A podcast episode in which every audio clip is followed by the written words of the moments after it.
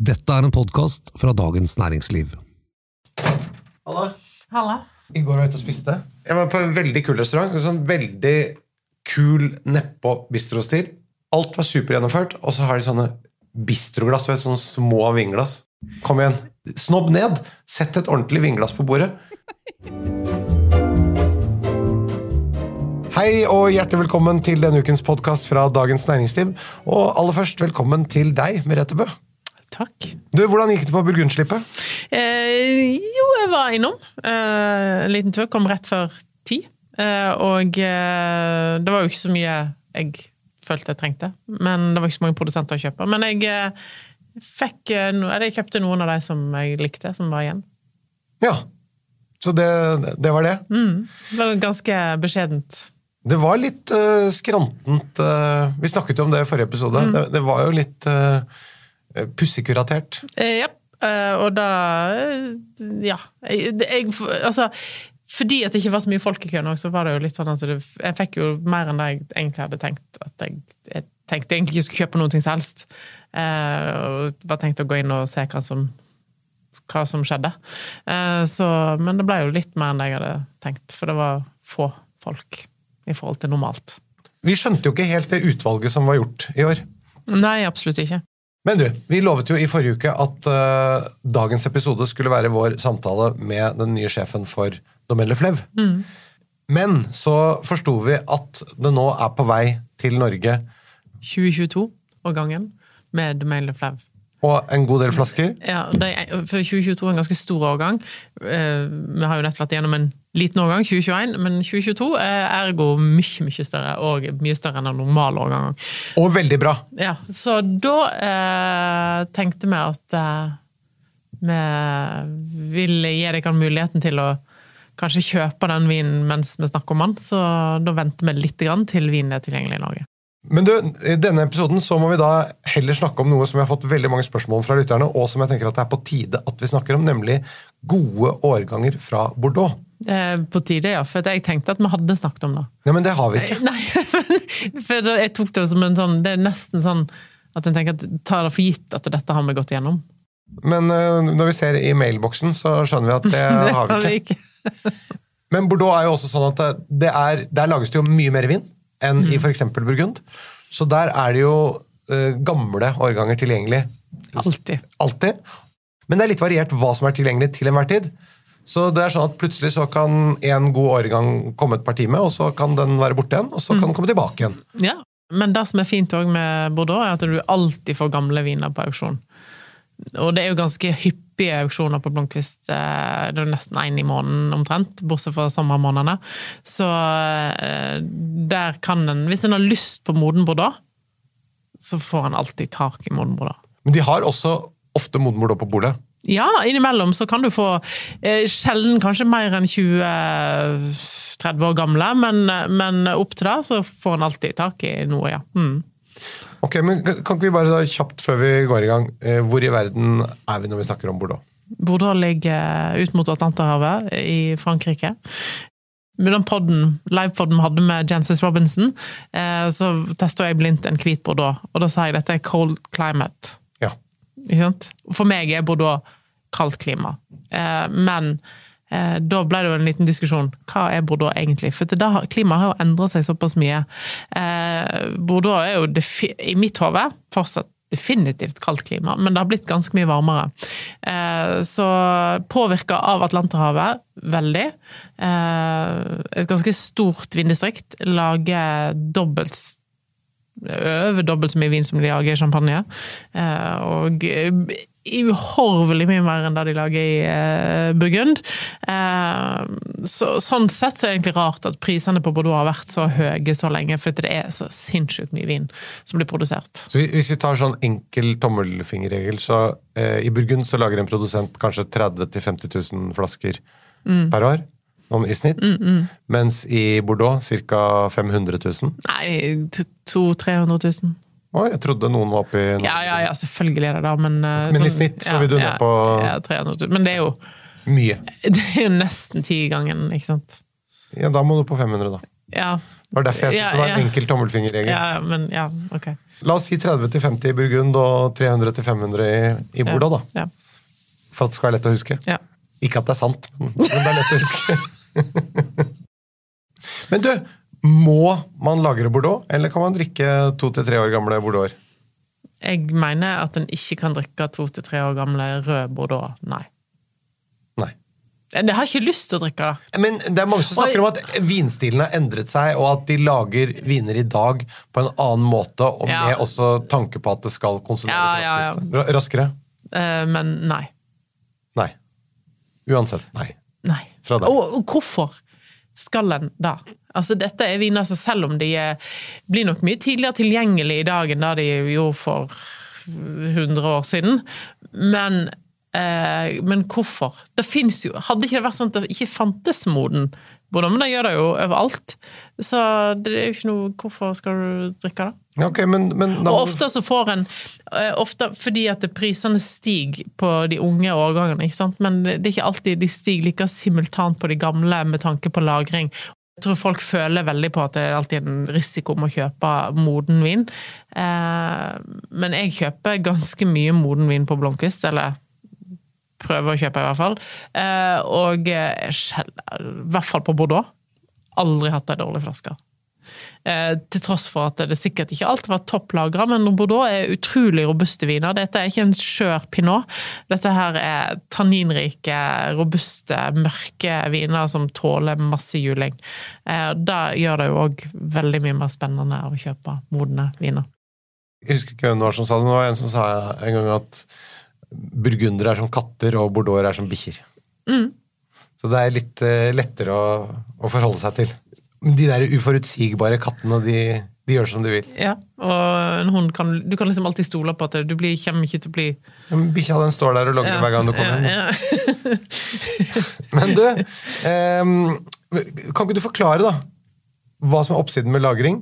Hva er det du håper skal skje med vinen? Og, og hvordan smaker en bordeaux som er moden? Eh, En moden bordeaux får jo en helt, altså, får en helt annen bredde i smaken. Altså, til og med når du smaker en ti år gammel bordeaux, så føler du at du, dette er altfor tidlig, liksom. Det er som å gå og se på halvferdig kunstverk. Ok, det har ikke utvikla seg. Nei.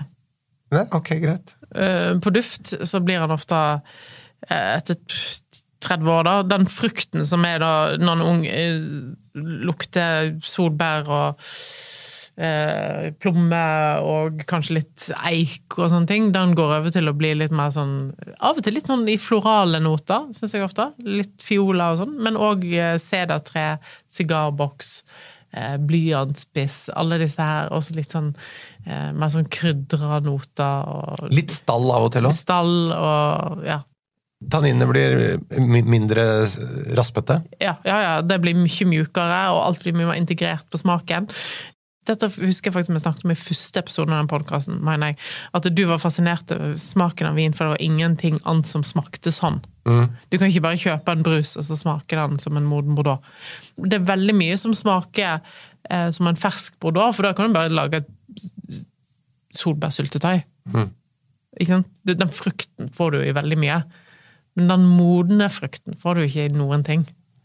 Det er det som gjør det så unikt, da, syns jeg. Altså, jeg liker at du får disse modningsaromaene som du snakker om her, men at det også er frukt med i miksen. At det er fersk frukt, at den ikke føles som at alt er bare svisker og tørka frukt. Det, og det blir sånn for brunt. Personlig er ikke jeg så glad i. Det er lov å si. Men du har hatt stor glede av eh, 1986. Ja, det har jeg. Det var fantastisk. Ja. Ja. Sant? Så, og den er jo eh, snart 40 år gammel, så Men det er ikke mye, vet du. Nei, nei, nei men Hilsen 52. Ever catch yourself eating the same flavorless dinner three days in a row? Dreaming of something better? Well, HelloFresh is your guilt-free dream come true, baby. It's me, Kiki Palmer. Let's wake up those taste buds with hot, juicy pecan-crusted chicken or garlic butter shrimp scampi. Mm. Hello Fresh. Stop dreaming of all the delicious possibilities and dig in at HelloFresh.com.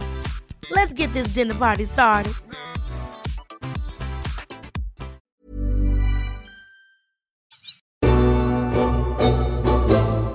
Vi har snakket om risiko med oksidering fra Burgund. Er det noe risiko for at gamle viner fra Bordeaux oksiderer? Det er på en måte en oksidasjonsprosess, at han blir moden. Ja, Eh, men- men, men- men, ikke oksider... Altså, da har jeg nesten aldri opplevd Selvfølgelig helt sånn eh, skikkelig dårlige lagra flasker fra 30-tallet som lekker. Selvfølgelig er de oksidert ganske slitne og nesten på grensa til eddik. Eh, har jeg opplevd flere ganger, men det, da, da er du på det mest outre, eller ekstreme, da. Eh, så ja. Men hvordan funker moden Bordeaux til mat, syns du? Kan det bli for modent til å ha til mat? Nei, men eh, moden bordeaux til lam eller til en god biff, herregud. Hver gang jeg drikker moden bordeaux, så tenker jeg dette bør jeg gjøre litt oftere. Ja, fordi eh, Bordeaux har jo vært litt sånn eh, Hva skal jeg si for noe? Det er ikke akkurat hipstervin.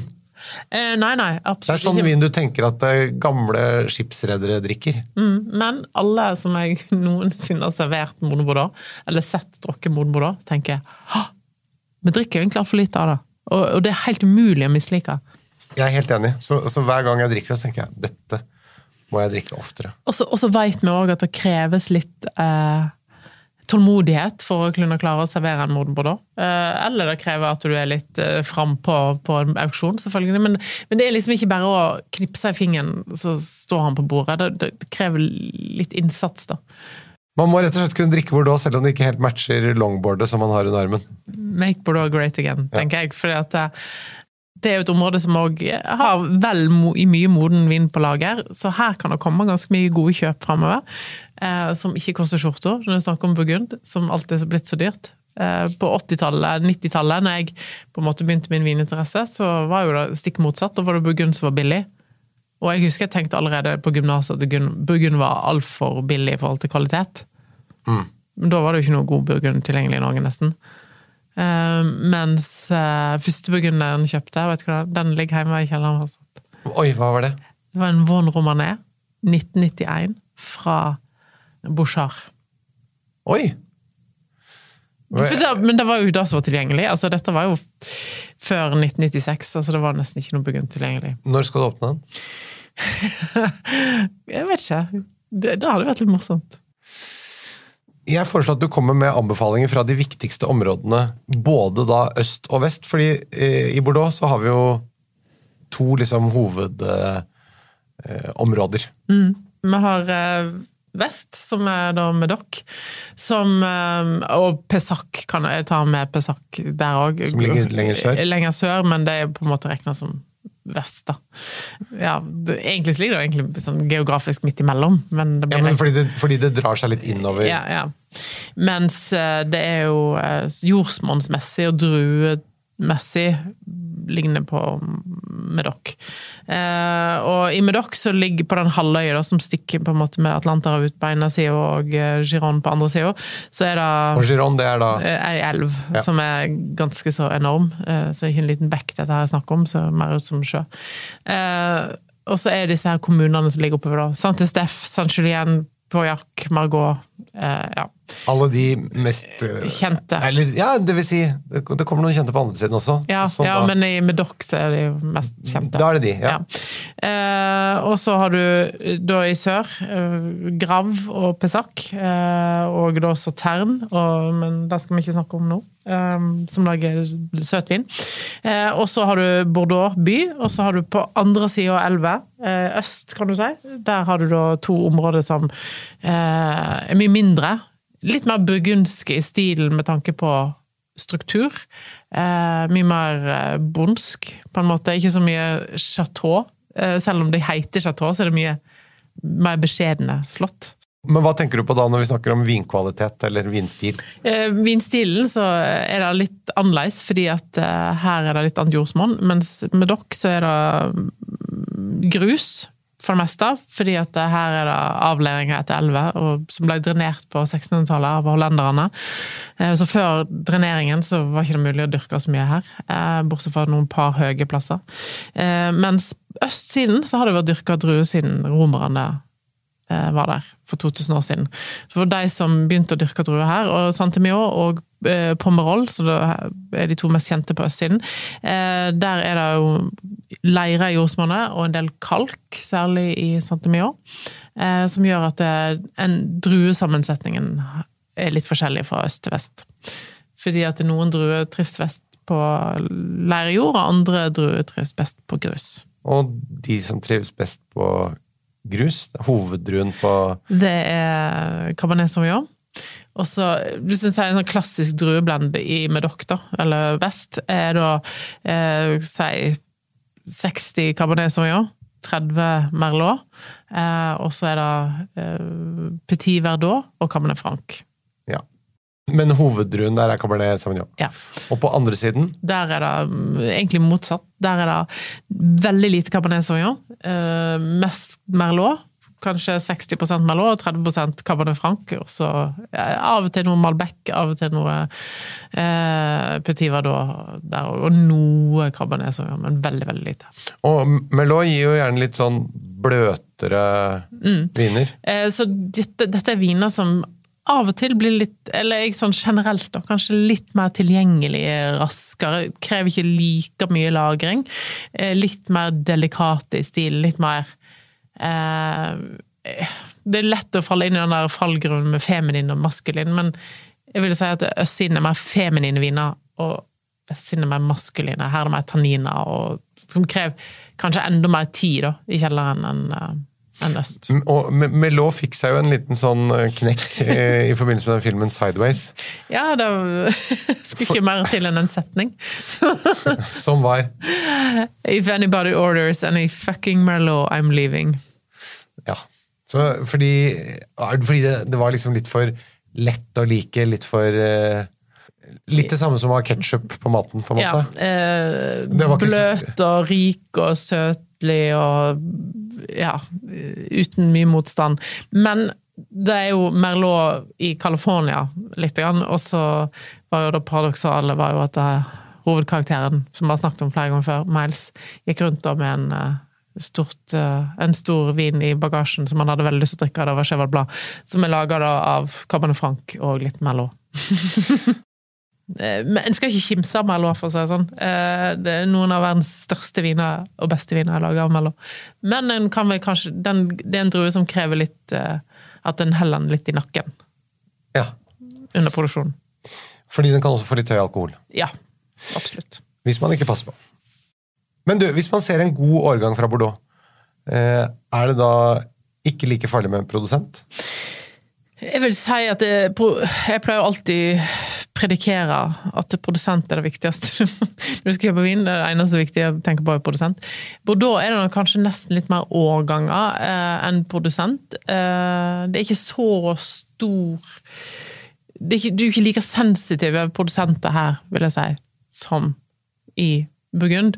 Eh, I Burgund, for eksempel, hvis du skulle kjøpe Vaughn Romané, så ville jeg ha forholdt meg til nå tenker jeg Vaughn Romané Village, så ville jeg ha forholdt meg til fem produsenter. Liksom. Jeg hadde syntes andre var waste of money ofte. Mens de fem-seks produsentene er kanskje så fantastisk mye bedre. ikke sant? Eh, mens her er det mer sånn Skal du kjøpe en pojakk? Selvfølgelig er Lafitte og Moutot eh, kanskje førstevalget hvis du har ubegrenset med penger, men en kan finne så utrolig mye annet som er veldig, veldig bra. Og hvis en tenker på Bordeaux en skal drikke sjøl, og ikke som en investering, så kan en eh, ha veldig mye gode kjøp langt ned på rangstigen på slottene, altså. Ja, fordi det er altså veldig, veldig mange som produserer vin der. Mm. men det er også et kvalitetshierarki. Kan ikke du bare ta kjapt gjennom klassifiseringssystemet i Bordeaux? Det er kjapt! Ja, men det, Takk for den. Du, du må forklare det. Jeg tror vi har snakket om dette før, men eh, i 1855 så var det en verdensutstilling i Paris, og da kom det en klassifisering av de beste slottene i Bordeaux, basert på hva priser de har oppnådd historisk. Det var, en slags komité da, som Ja, eh, ja. ikke så på smak og stil, men som så bare på historiske priser hva de ulike slottene hadde oppnådd. Ja, og renommé og ja. Eh, og kort innenfor fem klasser, da, jeg tror det var rundt 60 slott, så var det fire stykker som fikk første kry, og så var det andre kry, tredje kry, uh, fjerde kry og femte kry. Eh, og det skjedde én endring, og det er da med Tår og Skjell som i 1973 gikk opp til første kry, så det er nå i det fem slott der. Ellers har det vært helt likt. Helt likt. Dette gjelder da bare vestsiden. Ja. Dette er da de beste vinene, fordi de aller fleste vinene i Bordeaux kommer jo ikke med i det hele tatt i denne klassifiseringen, så der fins det litt sånn enklere klassifiseringer. Men dette skal da angivelig være de 50-60 beste slottene, da. Ja.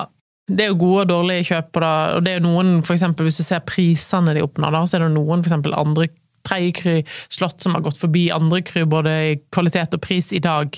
Palmer, for eksempel. Palmer, for eksempel, er et godt eksempel, som eh, begynner nesten å ta igjen eh, første kryslottene ikke sant, i pris. Eh, eh, mens det finnes andre kryslott som eh, ikke er i nærheten av både den kvaliteten og den Men samtidig så er de ganske sånn De har ganske sånn stor selvinnsikt, mest fordi dette markedet her bestemmer, på prisene de får for vinene sine. Hvis du har lyst til å kjøpe vin for 1000 kroner i Bordeaux, så får du jo masse godt for 1000 kroner, men eh, det er jo uansett Det vil bli mye bedre da du kjøper til 4000. Eh, mens i Burgund er det helt annerledes. Der koster alle for den vinmarken ligger på rundt 4000 kroner. Noen er bra, noen er dårlige. Her er det lettere å ta pekefingeren og dra den nedover Ja. høyre kolonne og, Ja. og se hva som er best. Ja. Du kan rett og slett lese av tallene. ja. Det er mye lettere. Ok, i dag så snakker vi altså om de beste årgangene fra Bordeaux, og husk at alle anbefalingene de står i episodeinfo. Selling a little or a lot?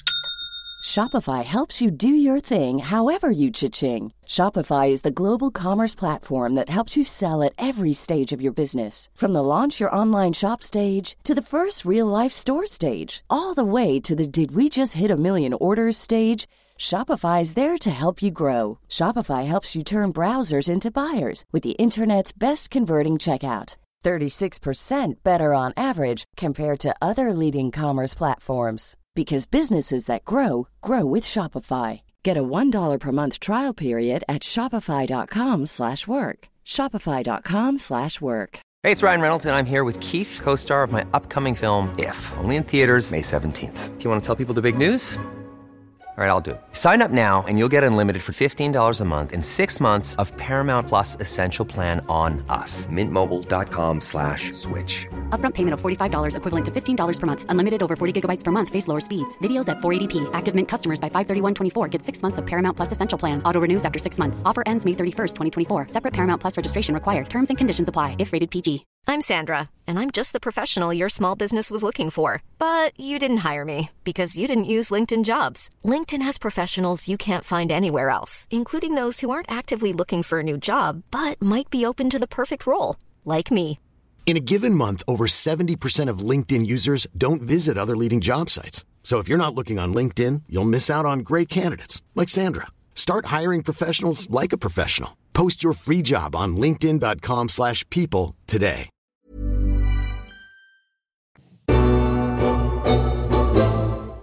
Vi starter med vestsiden, med dokk. Hvilke årganger er det du vil anbefale her? Det er jo hinsides mye å ta av. Men jeg tror vi nett begynner sånn generelt da, med de siste årene med, som har vært. Ja. Fordi at det, det er jo det som kanskje er det som er lettest å få tak i nå, eh, uansett. Eh, og så kan jeg gå tilbake igjen på litt modnere år, da. Men eh, Noen gamle hits. ja, ja. Men 2022, som er ennå ikke sluppet noe særlig av ennå, så nå kan du begynne å spare penger, folkens, til den kommer. For det er kanskje en av de beste årgangene Jeg har ikke smakt så mye ennå sjøl, men eh, skal angivelig være noe av det aller beste som har kommet ut av Bordeaux noensinne. Silkemjuke, lagringsdyktige, eh, med en utrolig bra nerve. Og jeg må òg ta i betraktning at eh, i og med at det har blitt så mye varmere de siste årene, og de siste årgangene har vært ganske varme i Bordeaux òg, så er, Før så var det jo sånn at det var et unntaksvis i løpet av et tiår at uh, Cabernet Sauvignon ble, ferdig, ble moden. Eh, Det er jo derfor en blander inn Merlot og andre ting, for at de ble lettere, raskere modne. Eh, Men global oppvarming har gjort til at det blir færre og færre dårlige år. Så det er liksom ikke samme problemet med gode og dårlige årganger i Bordeaux lenger som det var. da. Eh, hvis jeg går tilbake på 80-tallet, så var f.eks. to crappy årganger, som var 84 og 87, eh, som alle fikk beskjed om å holde seg unna. Men så, og så var det 82 som var fantastisk. 86 og 88, 89, 85. Men, men det var liksom mye tydeligere, da. Eh, I dag er det litt mer sånn Det er ikke noe sånn skikkelig elendig år lenger. Eh, og veldig mange er veldig bra. Men 2022 fantastisk. Eh, så da kan jeg spare penger til. 2021 som vi nettopp har vært gjennom på Burgund, var òg en litt sånn trøblete årgang i Bordeaux. Eh, mye hagl, frost og mye regn. Det som er morsomt med den årgangen, er at den er litt lik som i Burgund, eh, så det er lettere å forholde seg til. Lav alkohol, klassiske Bordeaux-viner, som krever ikke så mye lagring. Så dette her, sånn som for deg som har bikka 50 så kan det være en årgang du kan kjøpe nå, så kan du drikke når du blir sånn 75. Å, ikke mer enn 23 år. Nei, men topp. Uh, og den 2021 uh, Jeg, jeg liker sånn eh, umiddelbar eh, tilfredsstillelse som det. At jeg ikke vil liksom skal ha sånn lange perspektiver på alt. Det hørtes deilig ut. Ja, det Endelig. Slow maturing. Litt spontant. Ja. Men 2021 var den, egentlig den årgangen som ødela den eh, fantastiske rekken, som er historisk i Bordeaux, av tre årganger. 2018, 2019 og 2020, som er den eneste gangen, angivelig, eh, uten at jeg har gått uhorvelig langt tilbake i historien, eh, der det har vært tre toppår på rad. Å, ja. Det er veldig mange som sier sånn twin vintages, altså ofte to gode årganger på rad. sånn, 88, 89, eh, 90 var jo òg altså de, de på en måte var kanskje det nærmeste du kommer da. Så var det 2009, 2010 altså Det er flere sånne år som har fulgt hverandre. Men her er det da tre fantastiske årganger på rad. 2018 vil jeg si er den svakeste av de, som har litt høy alkohol noen ganger. Eh, men det var veldig høy eh, konsentrasjon. 2019 veldig lagringsvennlig med masse tanniner og eh, trenger mye tid. Eh, 2020 klassisk, moderne, moderne klassiker, på en måte. Litt kjøligere enn de andre to, men som er veldig sånn mørk frukt og, og høy konsentrasjon.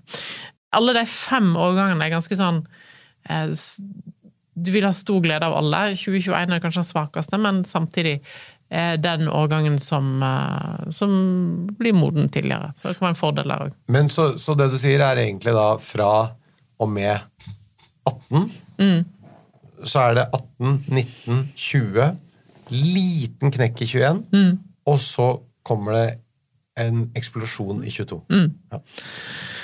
Men så kan jeg jo begynne å bare ramse opp årganger, da, uten at jeg skal gå sånn kjempe i dybden på dem. Men uh, hvis jeg uh, 2016, som fortsatt fins litt grann av, fantastisk årgang eh, med dere. Eh, 2022, som nevnt. 2018, absolutt. 2020. 2010 var en årgang jeg prøvde å kjøpe som jeg hadde råd til. Apropos sånn uh, tvillingårganger Er ikke 09 også veldig bra? Jo, men der har du litt sånn 09 er varmere, litt rikere, litt mer alkohol. 2010 litt mer syre, litt mer klassisk eh, frukt. Jeg liker veldig godt 2010. Hva trenger lengst tid av 9 og 10 i kjelleren? Kanskje 9, Ja. vil jeg si. Eh, jeg har kjøpt 9 òg, altså, og jeg har 9 langt opp på lista mi. Men kanskje internasjonalt så har 9 en større standing. Ah, ja. Fordi at vi er litt mer glad i klassiske viner her i Norge. Eh, 2015 og 2005, og, i år liksom to Det er jo ti år imellom, men litt like årganger, ganske varme, begge to. Eh, to årganger som jeg er egentlig ikke så glad i i Burgund, men i Bordeaux bedre. 2000, fantastisk årgang. Eh, 2014, klassiker. Eh, 1996 og eh, en syrefrisk årgang. Eh, tidlig moden, vil jeg si. 1990. Men 96, du sier tidlig moden. Betyr det at du kan drikke 96 nå, eller? Ja. Så, og nå, nå kommer det faktisk en uh, Bordeauxvin, en rimeligere utgave, vel å merke, uh, på polet fra 1996. Å, som koster Sånn 300-400 kroner. Jeg har ikke smakt den ennå, så jeg kan ikke anbefale den men jeg vet at den kommer. Og det kommer en del av den òg. Produsenten heter Chateau Missil Kazak, eh, og den er fra 1996. Jeg har som sagt ikke smakt den ennå, men eh, det blir, jeg tipper jeg får smakt den i løpet av veka. Så da har, har du smakt eh, mye annet av dem før? Ja. Og det har vært bra? Ja.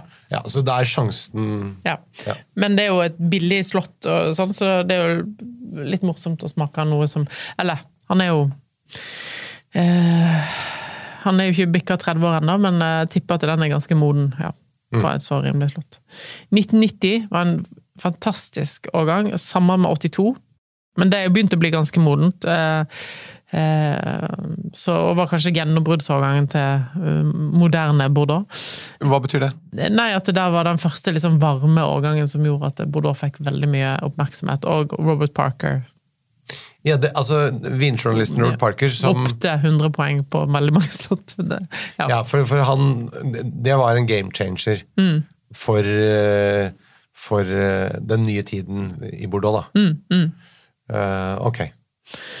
Nei, så har du 89. Eh, en annen årgang òg som, som eh, ingen hadde store forhåpninger om, men som jeg faktisk har noe i kjelleren av. Eh, 2003, veldig varmt år. Men eh, Bordeaux ble vel litt kule, lagringsdyktige Bordeaux ut av. Hva med Eh, 04? 04, tidlig moden årgang. Jeg digger 04. Eh, Kjølig, klassisk årgang. Den er fin å drikke nå. Og Ja. den er jo 20 år. Det er 04-fest nå. Det er 04-fest. Ja. Men hadde kanskje ikke åpna en Lafitte 04. eh, Det hadde vært litt tidlig, men, men de litt lavere Så neste års russekull kan drikke 04. De kan drikke sin egen årgang på bussen når de er ute og ruller.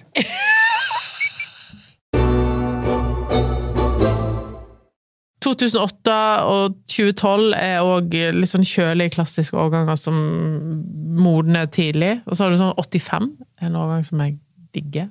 Eh, virkelig. 85 er det ingen som har snakket noe særlig om. Den havna litt midt mellom to stoler. Eh, men 85 er faktisk den første bordeauxen jeg kjøpte i mitt liv, var 85. Men du må huske at alle årganger havner mellom to andre årganger. Ja, jeg vet, men, men hvis de to 80, 82 og litt 83, men 82 særlig tok så mye oppmerksomhet, og så kom 86, og som var veldig bra, så 85 da Men hvis det kommer en årgang som ikke er mellom to årganger, da er vi ute og kjører, for å si det sånn. Men hvis vi skal gå for veldig gamle år, da. Ja. Jeg kjøpte For to uker siden så kjøpte jeg på Blomkvist en Bordeaux-vin fra 1945. Du gjorde det, ja? Mm. Fra hvilket slott? Eh, fra eh, Chateau Amantiac, som er da Chateau Moutot Rochelle, som jeg, jeg tror de kjøpte det på 30-tallet, som ligger rett ved siden av. Um, så det er en sånn liten Moutot. Og Moutot Rochelle i eh, 1945 er en av de mest legendariske vinene som noensinne har vært laga. 45, seiersårgangen. Eh, Hva bet- hva betyr det? Nei, det var slutten på andre verdenskrig. Ja, seiersårgangen? Jeg Ja. synes det var Seias, jeg skjønte ikke hva du sa. Vossisk, vet. Og da hadde jo Moutot den der eh, veldig berømte etiketten. Det var da de begynte med sin eh, kunstneretikett. De hadde den V for Victory på, på etiketten, som var første. Eh, og 1945 Moutot har jeg smakt én gang i mitt liv, og da var det en helt eh, en, var en stor vin. Og for den nette summen av 3000 kroner syns jeg var et veldig godt kjøp. Ja. Er det noe i dette tidsrommet her som du sier 'hold deg unna', som ikke er nevnt? Ja, jeg syns ikke 1991 er særlig bra. 1993 er ikke eh, spinkelt. Eh, 1992 òg, da var det egentlig tre årganger liksom på rad som ikke var så spennende. Eh, 2011 vil jeg òg kanskje det, det er en ganske tanninrik årgang. Da husker jeg da var jeg i Bordeaux i 2012 og smakte fra fat. Mm. Fruktfattig årgang med mye tanniner.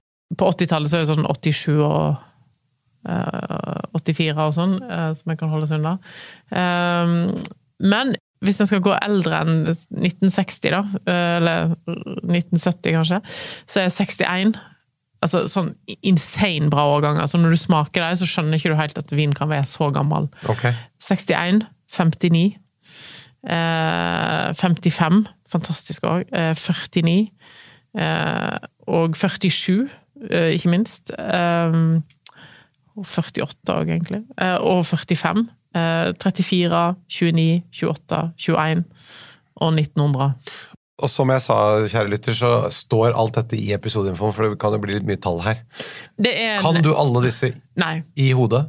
Nei, jo noen, absolutt. Men andre årganger som ikke har smakt så mye av, har du en tendens til å glemme. Altså, du bruker litt tid når du skal lage en liste over dette her. Ja, Det er ikke sånn at du bare triller ut av det alle Nei, årgangene. men eh, hvis du hadde bedt meg Hvis du stoppa meg på gata og spurt om 20 toppårganger, så hadde jeg i hvert fall nevnt mange av disse. Altså, da, ja. Ja, og, hvis så du sitter klart med det. et, og hvis du sitter med et restaurantkart, og du ser, da vet du med en gang Ja, ja, ja, ja, men Da ikke alltid det. husker det. Men sant, det er jo ikke så ofte en smaker 34, men i fjor så smakte jeg en Latour 34, for eksempel. Altså, eh, som var egentlig passé, da, eh, dessverre. Men eh, det er jo eh, I og med at en har fått En har så mye auksjoner som en har, så er liksom dette årganger som til stadighet dukker opp på en eller annen måte. Eh, og det gjør ofte at en kan ha muligheten til å, å smake dem. Er det de samme årgangene for Sankt Emilio og Pomerol, eller er det forskjellig? Nei, det er ikke helt likt. Det er jo ikke sånn at det er et godt år i i eh, Medoc stort sett et skikkelig dårlig år i Centimio. Eh, Det er jo ikke sånn. Men det er ofte noen årganger som, en, som er bedre for Centimio enn enn kanskje det er i Medoc, da. Så ja. Skal vi da ta en liten highlights på Pomerol og Sankt Emilio også, da? Her er det jo ferske årgangene og litt eh, samme som, som jeg sa, det er jo litt mer sånn generelt. Men eh, her i, på østsiden, da, 2009, 2018 Her er det litt sånn jo, Når årgangen blir veldig varme, så har det en veldig stor fordel eh, øst. For det kald, eh, Leire er kaldt, kaldt jordsmonn, så jo varmere årgang kan av og til Ja, men samtidig, du må høste riktig, da, for Ja. melon må jo ikke få for høy alkohol, Nei, nei. som du jo snakket om at den Ja. får lett. Og det gjør den jo hvis det blir for varmt, for Ja. Mm. da blir det for mye sukker, og så blir det for mye alkohol. Men så har du vel Cabernet Franken, som kan balansere ut en del der. Ja. Eh, Så 2009, 2018, 2015, eh, 2010 her òg. 2016, som jeg nevnte, fantastisk, i tillegg til 2019. Og 2005, 2000, eh, fantastisk årgang. Eh, Den, så den gjelder for begge. ja. Eh, Og eh, 2012, 2014 og lenger tilbake igjen, 1990 eh, og 1989. eh, 82 her òg. Ja, og 08 og 04 òg er litt sånn tidlig modne, kjølige årganger, men allikevel veldig bra. Eh, 85 eh, må jeg nevne her òg. 95 og 88. Ja. Ja. 1999, for eksempel, men òg eldre årganger her. Så vil jeg òg Her vil jeg legge på 64 ja. eh, og 61, som jeg sa sist òg, og 59. Så 61 og 59 og 55 er liksom tre sånne fantastiske årganger som hvis en er så heldig å få mulighet til å kjøpe eller drikke eller smake, altså, så ja. 53 er veldig bra her. Eh, 49 og 48 og 47 og 45, altså etterkrigsårene, eh, var en veldig bra periode. Kan du tenke deg å da klare å lage en fantastisk årgang i 45? Den lykkerusen de har vært. Eh, og så er på 20-tallet litt det samme da, eh, som på vestsiden. 29, 28, 21.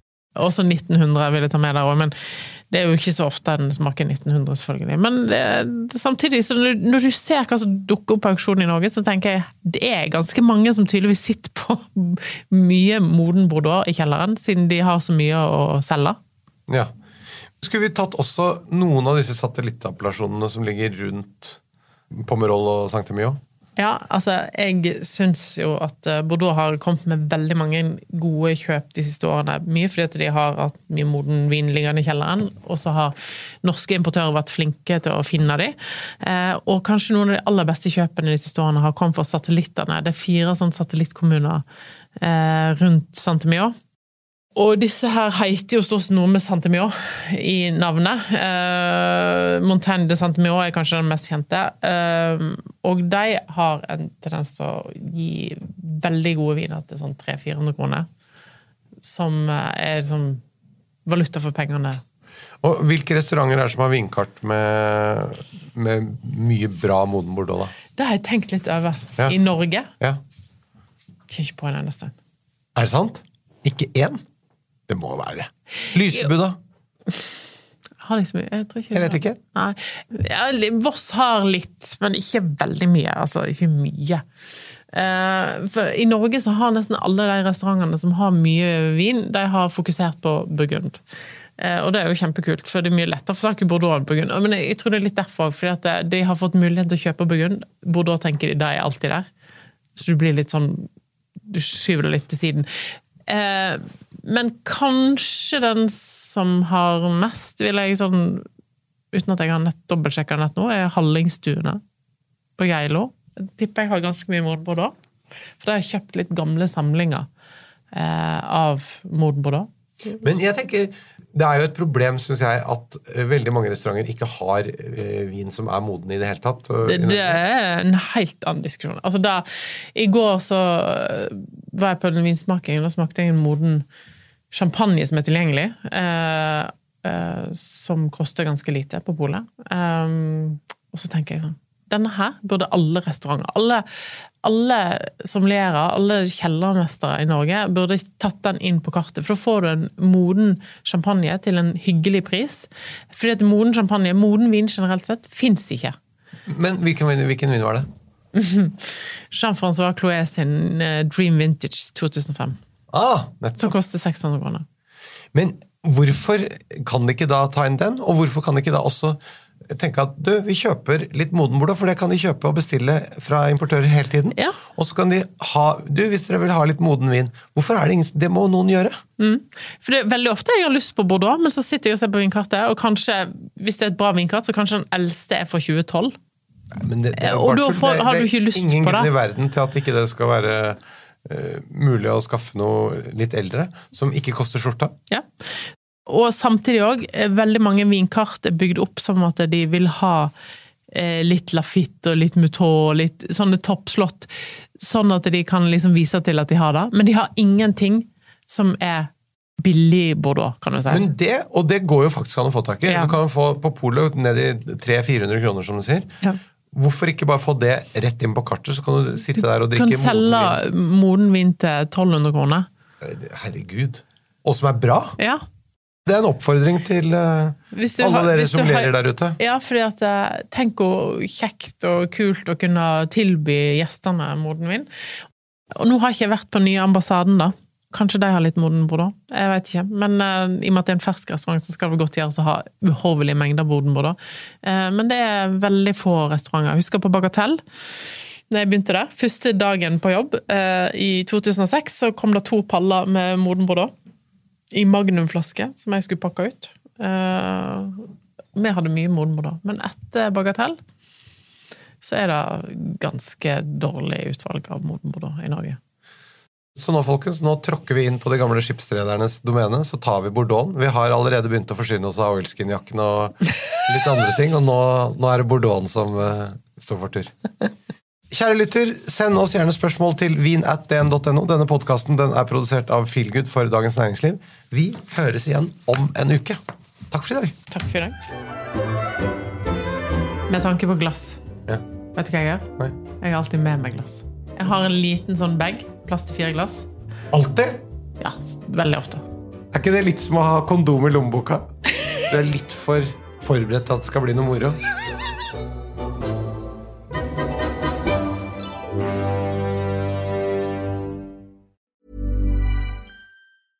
Selling a little or a lot? Shopify helps you do your thing however you cha-ching. Shopify is the global commerce platform that helps you sell at every stage of your business. From the launch your online shop stage to the first real life store stage, all the way to the did we just hit a million orders stage. Shopify is there to help you grow. Shopify helps you turn browsers into buyers with the internet's best converting checkout. 36% better on average compared to other leading commerce platforms because businesses that grow grow with Shopify. Get a $1 per month trial period at shopify.com/work. slash work. shopify.com/work. slash work. Hold up. What was that? Boring. No flavor. That was as bad as those leftovers you ate all week. Kiki Palmer here, and it's time to say hello to something fresh and guilt-free. Hello Fresh. Jazz up dinner with pecan-crusted chicken or garlic butter shrimp scampi. Now that's music to my mouth. Hello Fresh. Let's get this dinner party started. Discover all the delicious possibilities at hellofresh.com. Planning for your next trip? Elevate your travel style with Quince. Quince has all the jet setting essentials you'll want for your next getaway, like European linen, premium luggage options, buttery soft Italian leather bags, and so much more. And is all priced at 50 to 80% less than similar brands. Plus, Quince only works with factories that use safe and ethical manufacturing practices. Pack your bags with high-quality essentials you'll be wearing for vacations to come with Quince. Go to quince.com/pack for free shipping and 365-day returns. Du har nå hørt en podkast fra Dagens Næringsliv.